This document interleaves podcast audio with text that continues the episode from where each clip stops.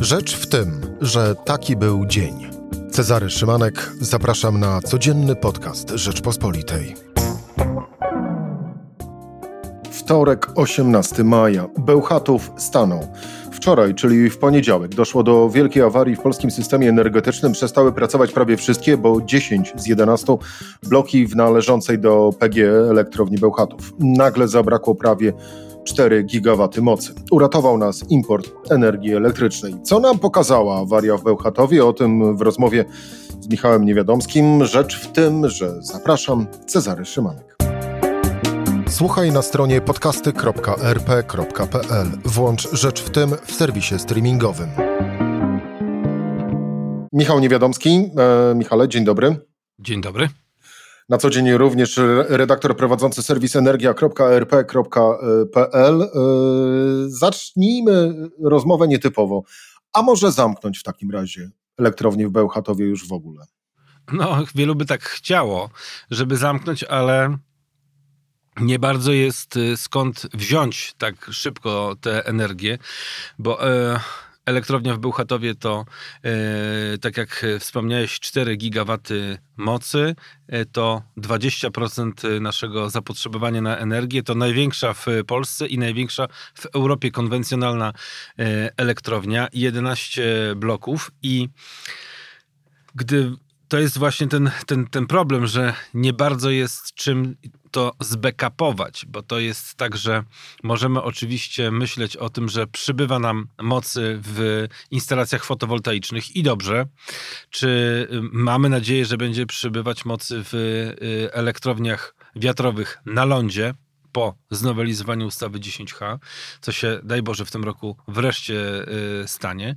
Tylko, że y, te 4 gigawaty, które mamy zainstalowane w fotowoltaice, to nie równa się tym 4 gigawatom, które są zainstalowane w Bełchatowie. To nie jest jeden do jednego, ponieważ y, efektywność pracy takiego bloku oznacza, że on musi działać przez prawie te 12 miesięcy które mamy w roku. Natomiast fotowoltaika nie działa przez 12 miesięcy, tylko działa przez kilka miesięcy, tak właściwie pracy ciągłej, bo wiemy, że tylko w dzień, a nie w nocy i też w nie każdy dzień, no bo jak mamy, mamy e, dzień, kiedy mamy e, zachmurzenie e, bardzo silne, e, no to wiemy, że ta fotowoltaika jest wtedy mniej e, wydajna, więc no oczywiście nie jesteśmy w stanie tego zrobić od razu, Michał, i, jednego. I tu postawmy na chwilę kropkę, do przyszłości wrócimy, ale skupmy się na teraźniejszości. Czy już, yy, bo wczoraj mówiło się, że tą powodem owej awarii de facto było zwarcie, czyli kłania się z kolei sieć yy, przesyłowa. Yy, minęło 24 godziny. Czy ta wersja się potwierdza, czy też pojawiają się jakiekolwiek inne doniesienia? Tak, znaczy to, to, to wiemy, że to jest y, stacja transformatorowa jest za to odpowiedzialna, która przejmuje przez którą przechodzi prąd z 10 bloków, bo 11, y, z 11 bloku przez inny transformator przechodzi energia.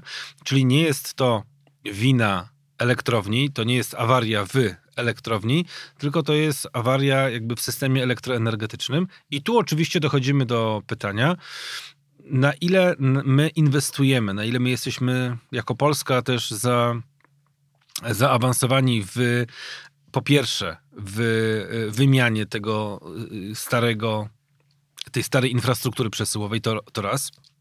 A dwa, szalenie ważna kwestia, na ile ta sieć jest przystosowana do tego, żeby działać dwukierunkowo. To znaczy, żeby nie tylko e, energia przesyłać z dużego e, e ośrodka wytwórczego, ale też z mniejszych e, e ośrodków, z mniejszych źródeł wytwarzania, jakim jest na przykład dach e, sąsiada, który ma właśnie dach powykładany panelami fotowoltaicznymi. Więc to jest pytanie, na ile powinniśmy się zacząć martwić naszą siecią, bo system wytwórczy to jest jedno, ale dwa to jest właśnie ta sieć. I ta sieć wczoraj, ten jeden z elementów tej sieci, wczoraj właśnie e, miał e, awarię, co jest e, w jakimś sensie też normalną rzeczą, no bo wiadomo, że jak mamy, że jak mamy system, który działa 24 godziny na dobę, no to w którymś momencie on ma prawo, to jest oczywiście kwestia fizyki, ma prawo mieć oczywiście awarię ale są oczywiście też specjalne systemy, tak zwane predykcyjne, które są w stanie nam powiedzieć, uwaga, w tym i w tym miejscu może nastąpić do e, awarii sieci. Na przykład PKP Energetyka coś ma takiego. Na swoich sieciach jest w stanie określić, w którym miejscu, kiedy może dojść do awarii i skoro wiedzą, no bo to model matematyczny y, to, to, to, to, to liczy, mierzy, skoro wiedzą, że w, przykładowo w sierpniu na odcinku, nie wiem, Warszawa działdowo dojdzie do czegoś takiego, no to są w stanie to usunąć wcześniej, dzięki czemu są w stanie też z wyprzedzeniem za, za, zarządzić daną, daną sytuacją. Michał, czy jesteśmy...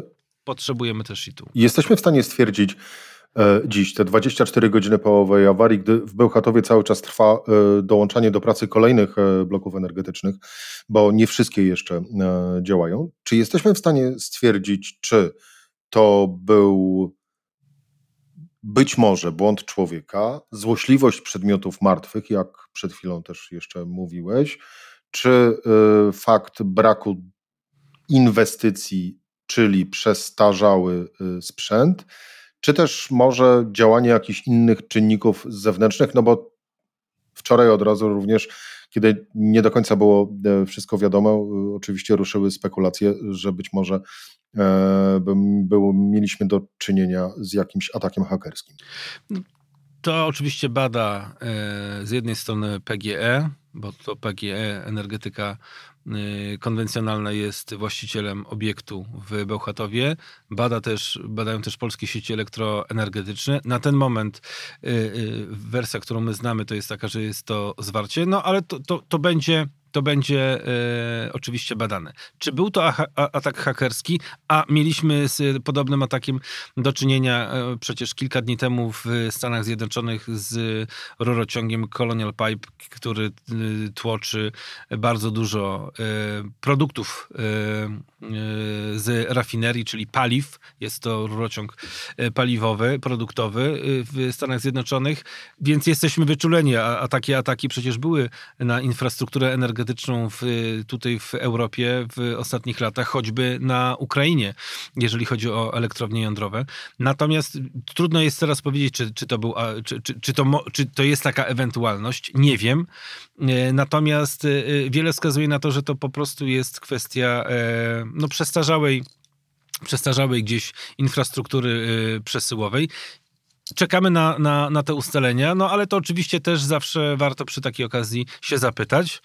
A jak my mamy tę infrastrukturę przygotowaną na ewentualnie właśnie atak hakerski? No właśnie. Ile, na ile ona jest zarządzana e, elektronicznie, a na ile ona jest y, y, zarządzana ręcznie i jakie są zabezpieczenia? Tutaj sądzę, że odpowiednie służby muszą też to sprawdzić i też na to pytanie sobie i nam e, odpowiedzieć, bo tutaj wczoraj udało się ten cały system zbilansować. Z jednej strony e, w, w, ciągu kilku sekund wypada z systemu 4 gigawaty. Dobry dzień to był, wydaje mi się, i, i, paradoksalnie dobra pora, bo ani nie było upalnie, e, co oczywiście wtedy, wtedy mamy z tej wspomnianej fotowoltaiki oczywiście więcej energii, ale w sytuacji, kiedy e, mamy upalny dzień, no to oczywiście masa klimatyzatorów jest włączona i, i to obciąża sieć. I w sytuacji, kiedy jest upał u nas, to zazwyczaj też u naszych sąsiadów jest podobna sytuacja i nie zawsze są nadwyżki u sąsiadów mocy,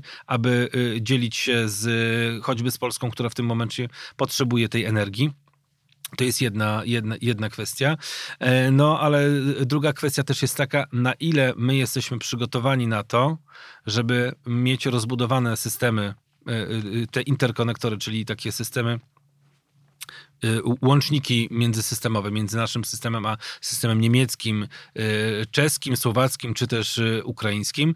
No bo to też jest pytanie, w jaki sposób chcemy to bezpieczeństwo energetyczne budować. Z jednej strony chcemy być niezależni, bo my postrzegamy bezpieczeństwo jako niezależność, ale bezpieczeństwo to jest również stabilność y, y, dostaw. A takie, takie sytuacje, jakie miały wczoraj miejsce, mogą się y, oczywiście powtarzać. Dodam tylko, że wypadnięcie z systemu Bełchatowa, czyli największej jednostki wytwórczej, też w systemie, nie tylko największej elektrowni, ale też w systemie, no bo inne jednostki, które mamy, to nie są aż tak gigantyczne.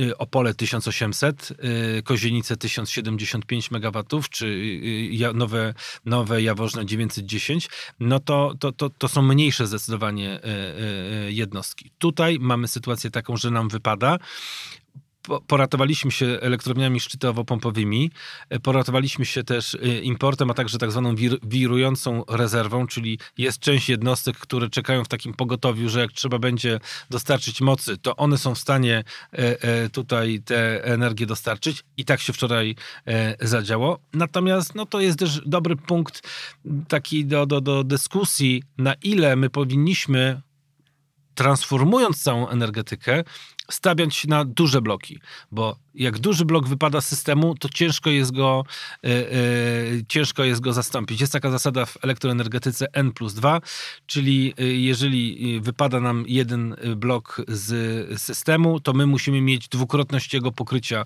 w rezerwach. Tu akurat udało się to wczoraj załatwić, posiłkując się importem. Natomiast jeżeli myślimy o tym, żeby budować kolejne bloki, a musimy je budować, bo bloki węglowe muszą opuszczać system, bo są e, nieekologiczne i, są, i, i produkują bardzo drogą energię, przypomnę, 55 euro za tonę wyemitowanego CO2, no to musimy się zastanowić, jak my chcemy tę, tę, całą układankę elektroenergetyczną poukładać, żeby była ona z jednej strony wydajna e, i kosztowo opłacalna, ale też i, i, i bezpieczna. Dlatego, czy warto stawiać kolejne wielkie bloki 1000 megawatów, no to to jest właśnie pytanie, które, które, które, na, na które sobie warto, warto odpowiedzieć, mając na uwadze wczorajszą sytuację. Przy stwierdzeniu, że jeżeli miałyby to być wielkie bloki, y, gdzie używa się paliw kopalnych, no to odpowiedź jest chyba prosta, że w tej chwili już nie, patrząc chociażby na wszystkie. Ale atom. E, atom tak, dlatego właśnie mówię o paliwach kopalnych, e, czyli e, węgiel kamienny bądź też gaz mhm. ziemny. Michał, no właśnie, i teraz dotarliśmy do takiego punktu, w którym mm, właściwie Bełchatow, ta awaria zmusza nas do zadania bardzo prostego pytania. A mianowicie, czy nasz system energetyczny i nasza polityka z tym związana, związana również z naszym bezpieczeństwem energetycznym, czy to odpowiada wyzwaniom przyszłości? Wyzwaniom przyszłości, czyli przede wszystkim e, wyzwaniom związanym z kryzysem klimatycznym. Czy to musimy sobie też. Znaczy, Polska jest w takim momencie, kiedy musi jakby zbudować nową architekturę energetyczną. Od nowa, generalnie od nowa, bo to, co jest teraz, to wiemy, że w ciągu najbliższych kilkunastu lat, poza kilkoma blokami, E, dosłownie kilkoma, e, będzie, będzie musiało wypaść z systemu, a na to miejsce będzie musiało powstać zupełnie coś e, nowego. No bo zostanie nam w systemie to wspomniane Jaworzno, wspomniane Kozienice, Nowe Opole, no i jeszcze teraz Turów w elektrowni w, w Turoszowie, w tym w Zagłębiu węgla oczywiście brunatnego. Ale my musimy pomyśleć nad tym, w jaki sposób zbudować ten system i na czym go oprzeć. Bo z jednej strony mamy te źródła pogodowo zależne, czyli wiatraki na lądzie i na, i na morzu, i fotowoltaikę. Z drugiej strony musimy mieć coś, co jest w stanie e, stabilnie pracować, no i też tę energię bez względu na to, czy świeci, czy wieje, dostarczać, bo... Czyli nie ma, odej- nie ma wyjścia i tylko i wyłącznie elektrownia atomowa? Pytanie też, jaki atom? Pytanie też jaki atom, bo jeżeli chcemy zrezygnować z. Musimy zrezygnować z węgla i to się stanie szybciej niż w 1949 roku. Bo. Oby. Bo znaczy, wydaje mi się, że to nie jest możliwe, żebyśmy aż tyle tego prądu z y, węgla y, produkowali, bo to po prostu y, system nasz nie wytrzyma, tak? Bo uprawnienia, ceny uprawnień do emisji CO2 rosną w tak gigantycznym tempie. Poziomy, które są teraz, miały być w roku 2000, z tego, dobrze, z tego co pamiętam, 2025 albo 26. Mamy 21 rok. 60 y, euro miało być w 30 roku, a 60 euro możemy mieć wakacje. Więc 60 euro oczywiście za tonę wyprodukowanego CO2. Dlatego my musimy tą elektroenergetykę zbudować y, zupełnie od nowa. Węgiel oczywiście musi wypaść z systemu szybciej. Pytanie, czy gaz jest takim, y, czy, czy gaz jest cały czas dobrym rozwiązaniem, to jest oczywiście dyskusyjne z różnych względów. E, po pierwsze, gaz musimy importować, no ale budujemy Baltic Pipe, mamy gazoport. No, taki już jest życie, że niektórzy muszą importować. Japonia wszystkie surowce importuje, przykładowo. E, więc pytanie, czy my musimy opierać się o import? Być może musimy, po prostu przyjąć to jako, jako, jako, jako mm, stan, y, z którym się trzeba pogodzić. Pytanie tylko za jaką cenę, tak? E, mam, jak będziemy mieli kilka punktów odbioru gazu, bardzo proszę, możemy ten gaz importować. Tylko pytanie, czy chcemy ten gaz spalać, bo to jest cały czas paliwo kopalne. Oczywiście mniej emisyjne niż węgiel, ale cały czas emisyjne. To jest jedna rzecz. I pytanie, czy jak chcemy wydawać y, y, te olbrzymie miliardy na nowe inwestycje, to czy musimy wydawać na e, inwestycje przejściowe czy docelowe? No bo każdy liczy oczywiście pieniądze. Jeżeli przeznaczamy ileś e, nakładów inwestycyjnych na elektrownię e, gazową, która ma być takim pośrednikiem, takim przejściem, stabilizatorem do czasu, kiedy z węgla się staniemy krajem, który będzie miał atom, no to pytanie, czy faktycznie to jest najlepsze rozwiązanie, bo może warto byłoby pooglądać, po, pozastanawiać się nad innymi rozwiązaniami, które są, nad którymi się pracuje na świecie, bo Polska też nie może być krajem, który wiecznie e, jakąś ma tak, wiecznie jest zapóźniony. No, musimy też wreszcie być w jakiejś takiej awangardzie, ale w tej, w tej, tej awangardzie, która się od tego peletonu jest w stanie odłączyć. Pomyśleć o tym wodorze. Więcej, oczywiście rząd teraz mówi dużo o, o wodorze, tylko zamiast mówić, to też trzeba coś zacząć robić. Choćby dostosowywać prawo do tego, aby tym wodorem można było tutaj y, operować.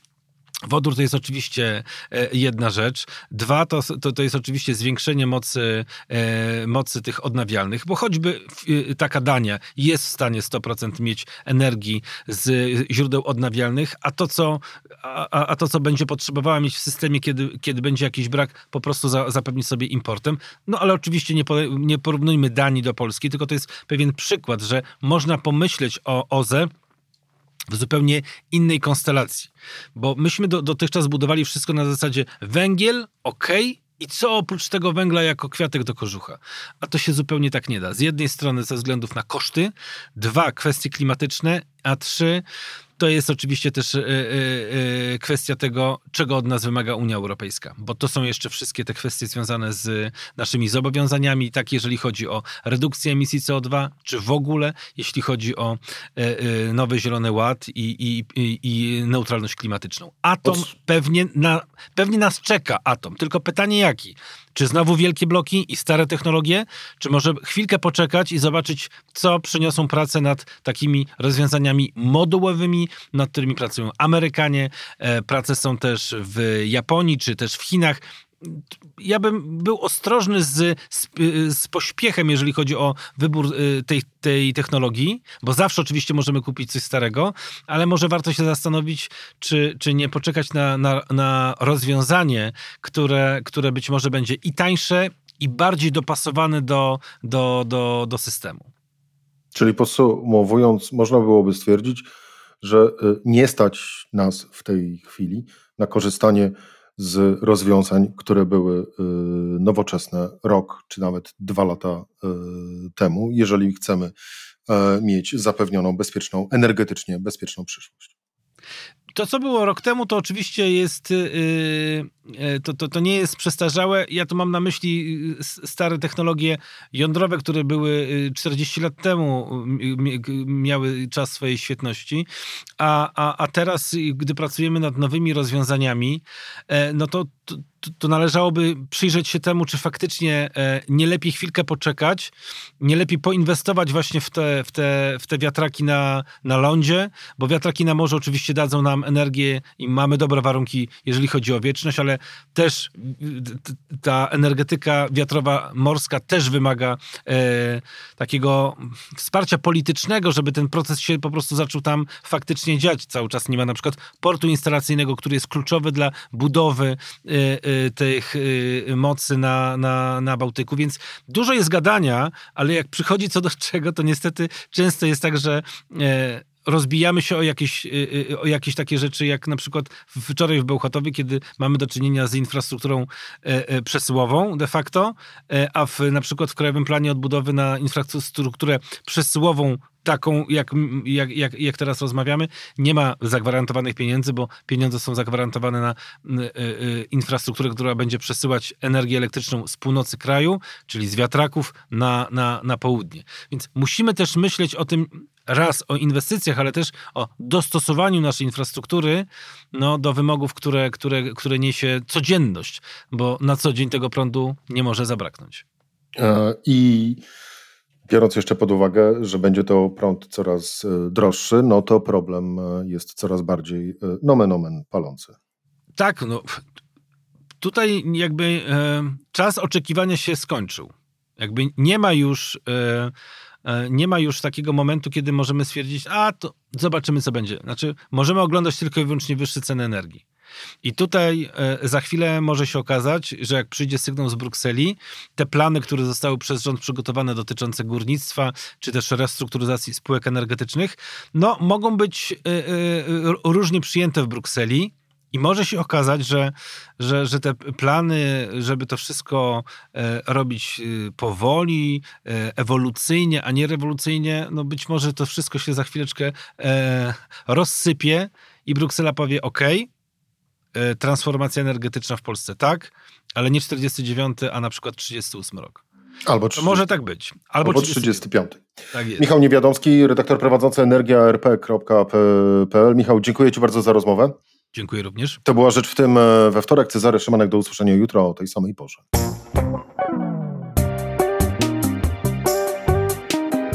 Rzecz w tym to codzienny program Rzeczpospolitej. Od poniedziałku do czwartku o godzinie 17. Słuchaj na stronie podcasty.rp.pl. Włącz Rzecz w tym w serwisie streamingowym.